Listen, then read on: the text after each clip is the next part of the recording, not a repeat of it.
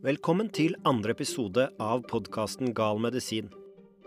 I dag skal vi ta for oss hvordan medikamenter mot psykiske lidelser påvirker hjertet. Det er nemlig slik at hjertet er utsatt for en god del medikamentbevirkninger. Og det gjelder ikke minst ved bruk av psykofarmaka, altså legemidler mot psykiske lidelser. Derfor skal vi ta for oss hvordan hjertet virker, og hvordan medisiner kan påvirke hjertefunksjon. Også når det ikke er intensjonen med behandlingen. Podkasten Gal medisin produseres av Senter for psykofarmakologi ved Diakonhjemmet sykehus i Oslo. Og jeg heter Erik Søber Didriks.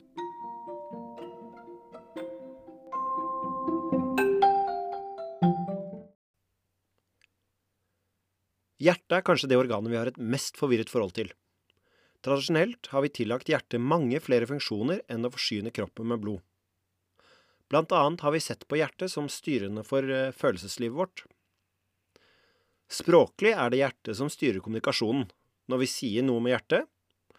Ofte lar vi også hjertet ta føringen når vi tar viktige avgjørelser, som nettopp blir avgjort med hjertet. I forrige episode var vi inne på at psykiatri betyr sjelens medisin. Dermed kunne man tenke seg at psykiatriske legemidler primært virket på hjertet. Som vi skal se i dagens episode, er ikke dette riktig, men likevel ikke helt feil. I virkeligheten er det selvfølgelig hjernen som styrer det vi kan kalle sjelslivet. Og når vi behandler psykisk sykdom med medisiner, så er det også hjernen vi ønsker å behandle, ikke hjertet. Uansett hvilken tilstand du lider av, og hva som har forårsaket den, så vil legemidler som brukes i psykiatrien, altså det vi kaller psykofarmaka, ha effekt i hjernen. Her kan medisinene påvirke prosesser og signalmolekyler som forhåpentligvis bedrer en depressiv lidelse eller hjelper en psykotisk pasient ut av vrangforestillinger og paranoiditet. Likevel er ikke verden så enkel som man ofte tror og det gjelder også psykiske lidelser og legemiddelbehandling. Svært mange av medisinene vi bruker, har nemlig langt flere effekter enn de vi behandlere ønsker at de skal ha. Derfor kan pasientene som vi leger behandler, få tilleggseffekter av legemidlene som vi ikke ønsker. Det er dette vi kaller bivirkninger. Som regel er bivirkningene en effekt av et legemiddel som opptrer når vi har høyere konsentrasjoner av stoffet i blodet enn det vi ønsker normalt. Så dette vil si at det er høyere konsentrasjoner enn det vi pleier å prøve å oppnå for å få den ønskede behandlingseffekten.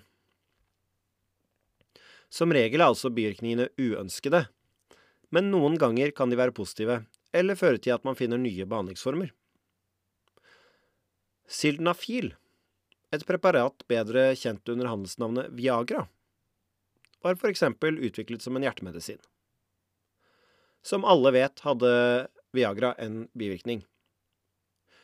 Dermed fikk produsenten selvfølgelig godt initiativ til å tjene langt mer penger på å selge Viagra mot erektil dysfunksjon enn dets andre bruksområde, som er høyt blodtrykk i lungekretsløpet. Som omtalt i første episode, så var oppdagelsen av det første antipsykotiske legemiddelet klorpromazin og det første antidepressive middelet isoniazid også tilfeldig. Preparatene viste seg å ha en helt annet potensial enn opprinnelig tenkt. Den antipsykotiske effekten av klorpromazin var revolusjonerende, men preparatet hadde også mange andre effekter. Med et annet ord så hadde de potensielt alvorlige bivirkninger. Og blant disse er påvirkning av hjertets elektriske aktivitet. For å forstå konsekvensen av dette må vi ta et steg tilbake. Vi har alle et nært forhold til vårt eget hjerte. Kanskje tenker du daglig på at hjertet slår når pulsen øker med tunge skritt opp trappa, eller mens du løper etter bussen. Men hvordan er hjertet bygd opp, og hvordan virker det? Uten den kunnskapen skjønner vi heller ikke hvordan hjertet kan bli påvirket av psykofarmaka, altså leger mot psykiske lidelser.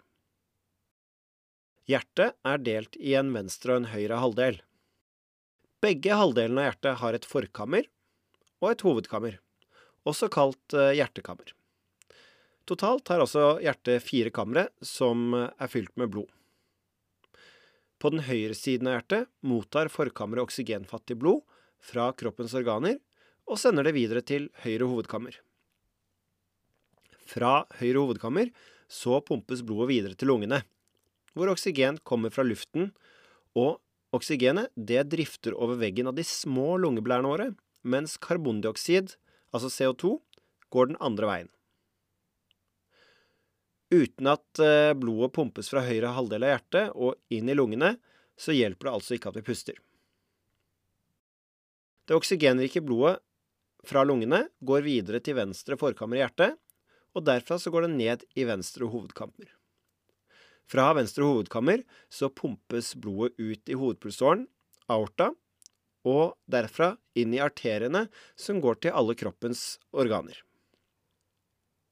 Hver gang hjertet trekker seg sammen, vil trykkstigningen forplante seg i blodet gjennom arteriene, og det er denne trykkstigningen som vi kaller pulsen.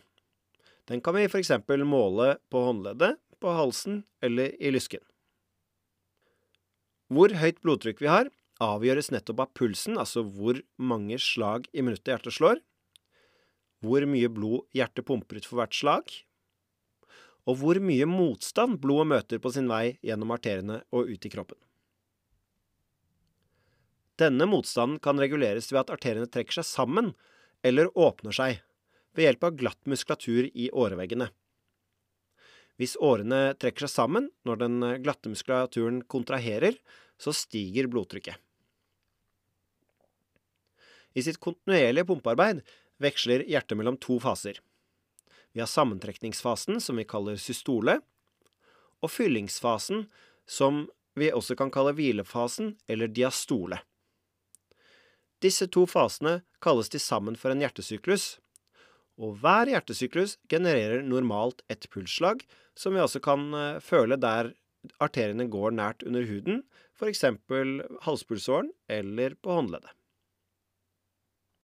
Vanligvis er pulsen mellom 60 og 80 hjertesykluser hvert minutt når vi er i hvile. Hjertet påvirkes av eh, fysisk aktivitet, og løper du f.eks. et maraton, så vil pulsen gå veldig mye fortere.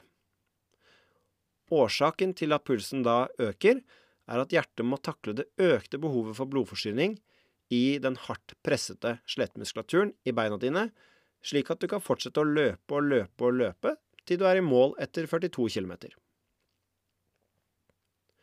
Psyken vår har også stor påvirkning på pulsen. Dersom vi er avslappet, så sier vi ofte at vi har eh, hvilepuls. Men som du er stresset, så raser pulsen av gårde, og blodtrykket stiger. Da kan du kjenne at det banker i tinningen. Hormoner, eksempel adrenalin, som produseres i kroppen, det påvirker pulsen. Og derfor kan vi øke pulsen til en pasient ved å gi syntetisk framstilt adrenalin som er laget av et legemiddelfirma. Måten dette stoffet, altså adrenalin, virker på, er ved å virke via en type målmolekyler som vi kaller betareseptorer, som ligger på overflaten av hjertemuskelcellene. Når disse betareseptorene blir stimulert av stoffer som kommer gjennom blodet, så fører det til en kaskade av reaksjoner inne i hjertemuskelcellen, som stimulerer både til at hjertet slår raskere, altså at pulsen øker, og at hjerteslagene blir kraftigere. Hvis vi ønsker den motsatte effekten, altså motsatt av adrenalin eller andre stoffer som stimulerer betareseptoren, så kan vi f.eks. gi pasienten en betablokker. Den vil redusere pulsen og hemme kraften på hjerteslagene. For en hjertesyk pasient kan dette faktisk være positivt, fordi lav puls og svakere slag gir redusert oksygenforbruk i hjertet når det nå arbeider mindre. Dermed kan betablokkere beskytte mot skade på hjertets livsviktige muskulatur hos pasienter som har et svakt hjerte etter skade f.eks. fra et infarkt. Det finnes mange andre stoffer som påvirker pulsen, og hjerteslagene våre også. Koffein, som eh, er i kaffe, er blant disse stoffene. Og det samme gjelder jo selvfølgelig hvis eh, koffeinen er i te eller i energidrikker og brus, som kan inneholde mye koffein. Rask puls er et av symptomene på koffeinforgiftning. Mange medisiner påvirker også pulsen. Ikke bare de som er laget for å påvirke hjertet. Noen av disse medikamentene, som eh, øker eller senker pulsen, de brukes for å behandle psykiske lidelser. De siste årene har mange barn, unge og etter hvert også voksne blitt satt på medikamenter mot det vi kaller hyperkinetiske forstyrrelser. Dette er sykdommer eller tilstander som er langt mer kjent under forkortelsen ADHD eller ADD. Disse tilstandene de behandles som regel med sentralstimulerende midler, enten metylfenidat eller amfetaminer. Legemiddelbehandlingen gis primært ved hyperkinetisk forstyrrelse, eller altså f.eks. ADHD, for å redusere hyperaktivitet og redusere impulsivitet, og samtidig å bedre oppmerksomhetsevnen hos pasienten. Sekundært kan dette også redusere andre atferdsproblemer og gi bedre evne til planlegging og gjennomføring av oppgaver. Men i tillegg til disse ønskende effektene av sentralstimulerende midler, så øker både metylfenidat og amfetamin blodtrykk og puls. Derfor skal pasienter som behandles for ADHD, jevnlig kontrolleres med blodtrykksmåling. Det er også viktig at legen som starter behandling mot ADHD med medisiner, gjør en grundig gjennomgang av familiehistorikk for å forsikre seg om at det ikke er arvelig hjertesykdom i familien som kan påvirke behandlingen sånn at den plutselig blir farlig for pasienten. Noen antidepressive legemidler kan også påvirke hjerte-karsystemet enten ved å påvirke hjertet direkte, eller ved å påvirke blodårene, som regulerer hvor mye motstand hjertet pumper mot, og dermed er med på å bestemme blodtrykket vårt. Særlig legemiddelet faksin, kanskje like godt kjent under sitt handelsnavn Effexor, kan øke blodtrykk og puls hos pasientene. Men Lafaksin er et medikament som brukes til å behandle depresjon og angst, og derfor så er det ganske mange som bruker det. I 2020 var det til sammen 34 000 nordmenn som brukte dette medikamentet. Det vil si at mer enn en halv prosent av alle innbyggere i Norge bruker Venlafaksin, eller sagt litt enklere, det er flere som bruker Venlafaksin i Norge enn det er innbyggere i Hamar. Venlafaksin virker mot angst og depresjon ved å hemme inaktivering av signalstoffene serotonin og noradrenalin i hjernen. I likhet med adrenalin er noradrenalin et stoff som produseres i kroppen. Noradrenalin har flere funksjoner. Det påvirker stemningsreiet vårt og er derfor et mål for antidepressiv eh, behandling med medisiner. Samtidig er noradrenalin viktig for å regulere funksjoner i hjerte-karsystemet. Særlig gir det sammentrekning av blodkar, men det øker også pulsen. Årsaken til at venlafaksin påvirker eh, blodtrykket, er sannsynligvis at vi får en økning i noradrenalinnivåer når vi bruker venlafaksin. Dette påvirker glatte muskelceller i karene til å trekke seg sammen, og samtidig hjertemuskelcellene til å slå fortere. Hvis en pasient med depresjon også har mye hjerte-karsykdom, kan det derfor være fornuftig å velge andre legemidler enn de som virker via noradrenalin. Muskulaturen i hjertet er bygget opp av spesielle hjertemuskelceller som danner et flettverk med sitt eget ledningssystem. Cellene i hjertet utgjør en mellomting mellom glatt innholdsmuskulatur, som vi f.eks. har i arteriene våre eller i tarmene. Disse har vi ikke bevisst kontroll over. Men hjertets celler ligner også på tverrstrippet skjelettmuskulatur, som vi kan styre bevisst når vi f.eks. løfter hånda for å ta en uh, sjokoladebit, eller beveger beina opp en trapp. Heldigvis slipper vi å kontrollere hjerteslagene selv. Muskelen trekker seg sammen og slapper av i en normalt, jevn rytme, uten at vi behøver å tenke på det. Hjertemuskelcellene er i stand til å ha raske, kraftige, utholdende og rytmiske sammentrekninger som gjør at blodet både pumpes til lungene for å få tilført oksygen, og ut i kroppen for å forsyne kroppens organer med nettopp oksygen og næringsstoffer. Hjertecellene er ca. en millimeter lange og sylinderformet. De har gjerne skrå forgreininger, og vanligvis en kjerne som ligger sentralt i cellen. I hver ende så er cellen veldig flat og butt, noe som gjør at de ligger godt i kontakt med nabocellene sine. Hjertemusklenes funksjon er i prinsippet den samme som i skjelettmuskulatur. Hjertet skal trekke seg sammen for å pumpe blod ut i kroppen, mens skjelettmuskulaturen skal trekke seg sammen for å bevege eksempel armer og bein. Siden de på mange måter er ganske like, så ser vi de samme mikroskopiske tverrstripene hos begge disse typene muskulatur.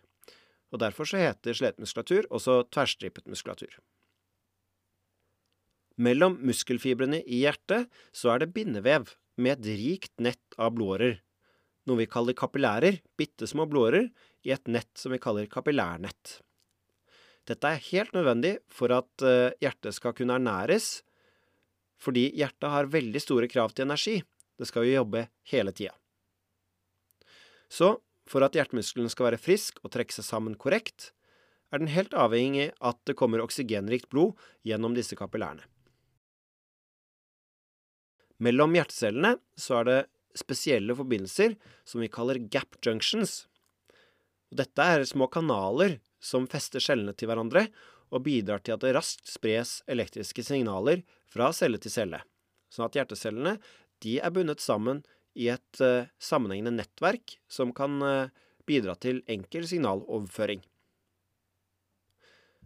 Disse forbindelsene får hjertemuskulaturen til å virke som én en enhet, der signalene går raskt gjennom hele muskulaturen. I tillegg så kan faktisk eh, hjertemuskelcellene selv danne de nødvendige impulsene for å starte en sammentrekning. Hjertet er altså uavhengig av ytre påvirkning for å slå. Signalet det starter i en bestemt del av hjertet som vi kaller sinusknuten. Sinusknuten den ligger i høyre forkammer og er celler som spontant danner en elektrisk impuls med jevne mellomrom. Dette skjer ved at det lekker natrium- og kalsiumioner inn gjennom spesielle kanaler i celleveggen i sinusknuten. I cellene som er der, altså. Dette gir endret spenning og danner en ny impuls som fyker gjennom muskulaturen i forkammerne. Og deretter ledes denne impulsen gjennom spesialiserte fibre som vi kaller hissbunt og purkinjefibre, åpenbart oppkalt etter hvem som fant dem, og deretter så ledes signalet ned til hovedkammerne i hjertet. Hvis vi studerer EKG-signalet til en pasient, så kan vi se når dette skjer. Ser du på et uh, bilde av et normalt EKG-signal, enten det er på en sykehusserie på TV, eller du googler EKG mens du hører på denne podkasten, så kan vi først ta for oss den lille p-bølgen. P-bølgen er det lille utslaget som kommer helt først i EKG-signalet, og er et resultat av at signalet fra sinusknuten, altså der impulsen oppstår i høyre forkammer av hjertet, sprer seg gjennom forkamrene og aktiverer forkamrene. Når hjertecellene blir aktivert av den elektriske impulsen fra sinusknuten, så trekker de seg sammen. Og det er jo det hele som utgjør grunnlaget for at hjertet kan slå og pumpe blod ut i kroppen. Når den elektriske impulsen som startet i sinusknuten, har passert gjennom forkamrene og fått disse til å trekke seg sammen, så går de videre til noe vi kaller atroventroklærknuten. Ofte så sier vi bare AV-knuten. Dette er eh, ledningsveien ned til hovedkammerne, altså de store hjertekammerne, der blod blir pumpet ut i kroppen eller til lungene. I AV-knuten blir impulsen bremset før den fyker gjennom muskulaturen i hovedkamrene og aktiverer disse. I EKG så ser vi denne forsinkelsen som pausen mellom P-bølgen og det neste og mye større utslaget i EKG-signalet, nemlig det vi kaller QRS-komplekset. Pausen mellom P-bølgen og QRS-komplekset kaller vi PR-intervallet. Det er jo her bremsingen i AV-knuten skjer. Nedbremsing i AV-knuten har en helt logisk hensikt. Den sørger nemlig for at forkammerne kan trekke seg sammen før hovedkammerne gjør det. Slik kan blodet som befinner seg i forkamrene, på mest mulig effektiv måte komme ned i hovedkammerne før blodet pumpes videre ut i kroppen.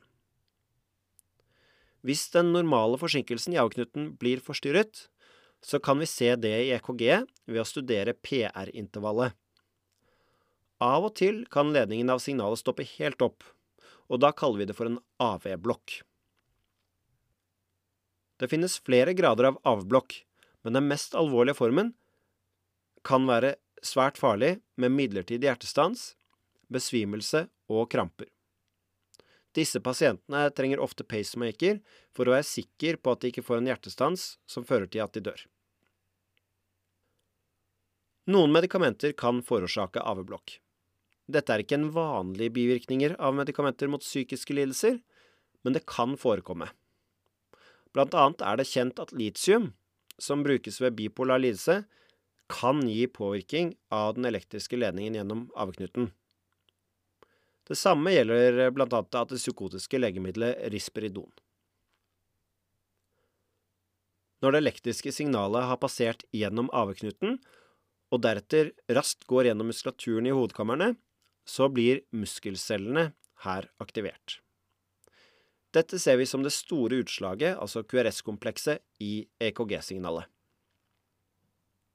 Det er nå hjertets hovedkamre trekker seg sammen og pumper blod ut i hovedpulsåren, og lungearterien.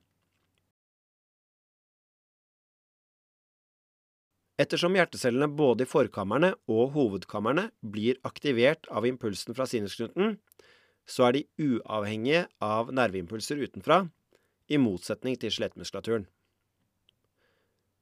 Sinusknuten styrer hjertets rytmiske sammentrekninger. Når vi kjenner at pulsen hos en pasient, eller eksempel på oss selv, er jevn og regelmessig, sier vi derfor at hun har sinusrytme. På EKG kan vi se dette ved at det er regelmessige p-bølger i signalet, at det også er en regelmessig avstand mellom p-bølgen og QRS-komplekset. Hvis disse p-bølgene ikke er regelmessige, så kan det ofte være årsak i at det er en atreflimmer, som ofte på folkemunne kalles hjerteflimmer, og som kan komme av mange forskjellige tilstander, og blant annet er ganske vanlig hos utholdenhetsidrettsutøvere, men også en veldig vanlig hjerterytmeforstyrrelse i befolkningen. Sammentrekningsrytmen kan, selv om hjertet slår av seg selv, påvirkes ved hjelp av signaler fra det autonome nervesystemet.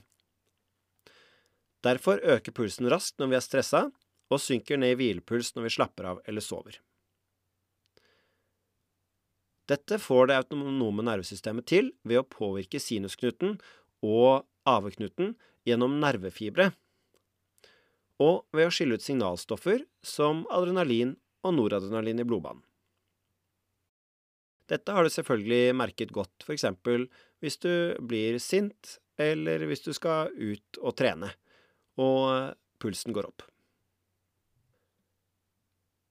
Etter at et hjerteslag er ferdig, og før en ny impuls oppstår i sinusknuten og sendes til hovedkamrene, hovedkammerne, så er det veldig viktig at den elektriske aktiviteten i hjertemuskelcellene normaliseres.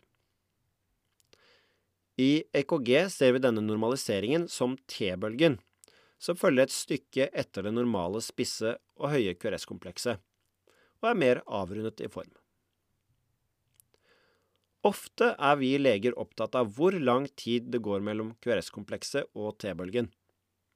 Det er dette vi kaller QT-tiden. Grunnen til at dette tidsintervallet er viktig, er at det sier oss noe om hvor lang tid det tar før hjertecellene har normalisert seg etter å ha blitt elektrisk aktivert.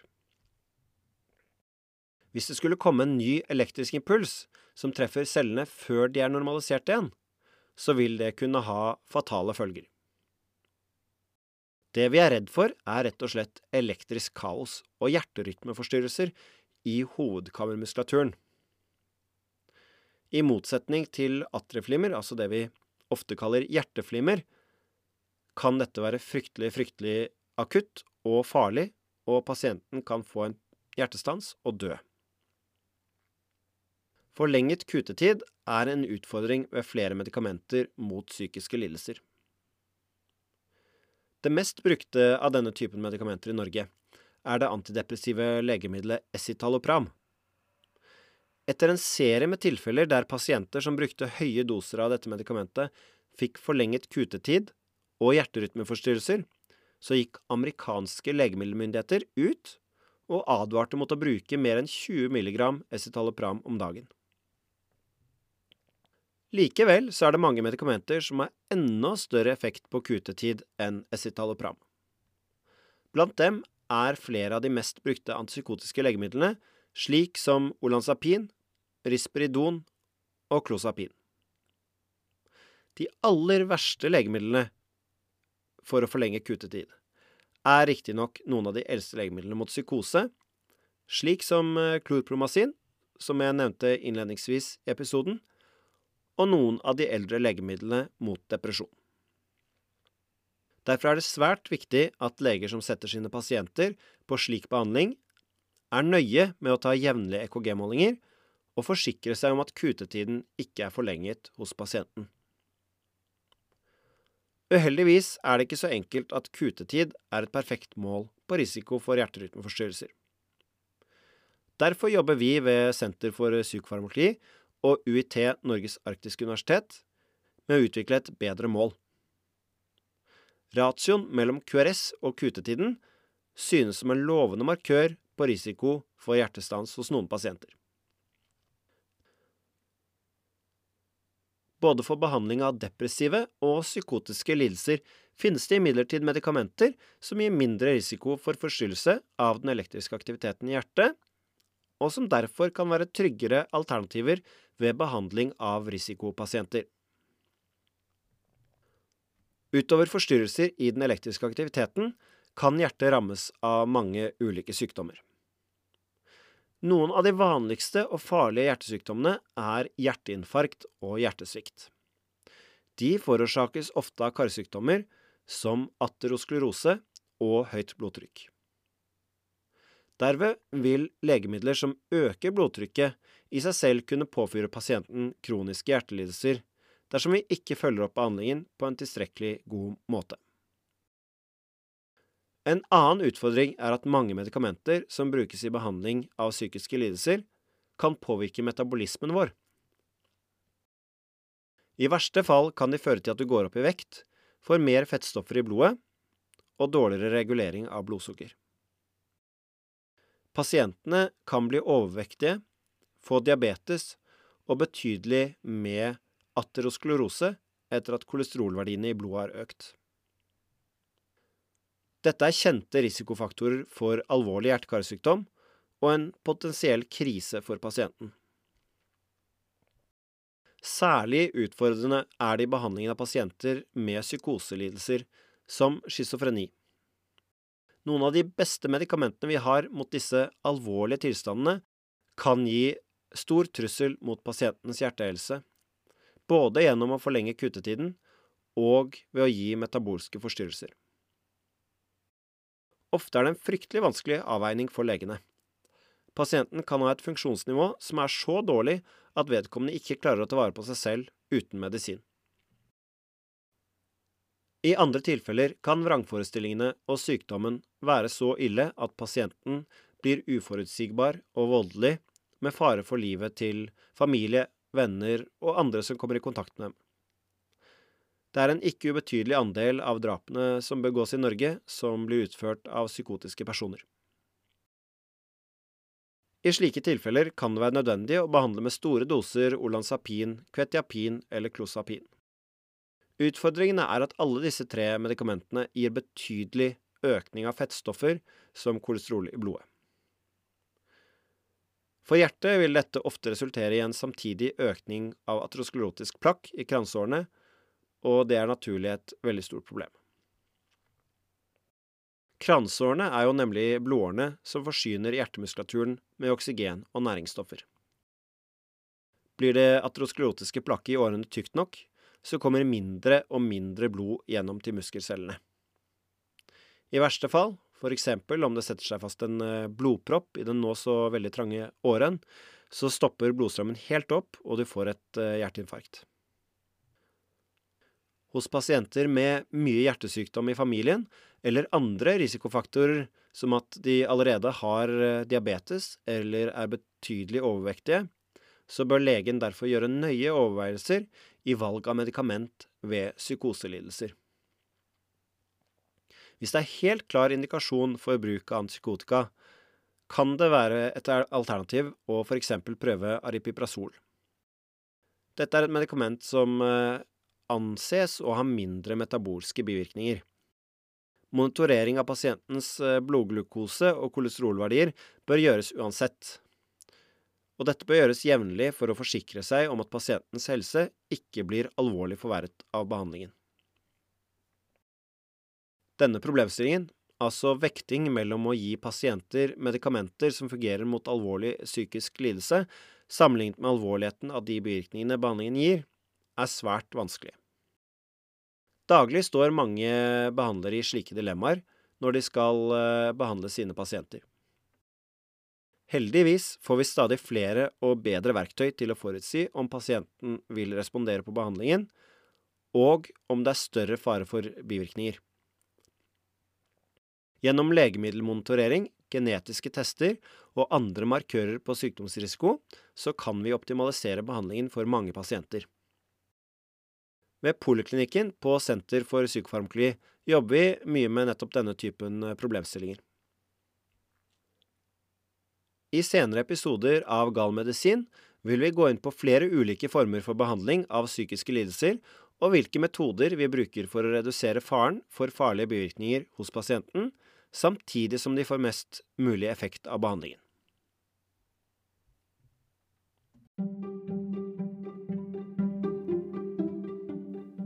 Dette var andre episode av Gal medisin.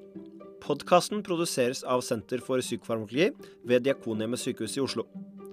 Vi er et kompetansesenter i klinisk psykofarmakologi og arbeider for å fremme kunnskap om legemidler og bivirkninger, og har som mål å bidra til mer rasjonell legemiddelbruk i psykiatrien. For å oppnå dette jobber vi med farmakogenetiske analyser, legemiddelanalyser, og vi har en poliklinikk der vi utreder pasienter med kompliserte problemstillinger relatert til legemiddelbruk, og da særlig psykofarmaka. Forskning er sentralt i alt vårt arbeid, og vi har mange ansatte ved senteret som har bistillinger ved forskjellige universiteter i Norge. Hvis du ønsker å komme i kontakt med oss, kan du sjekke hjemmesiden vår psykofarmakologi.no. Til slutt håper jeg at du anbefaler podkasten til alle som kan ha interesse av den. Takk for at du hørte på.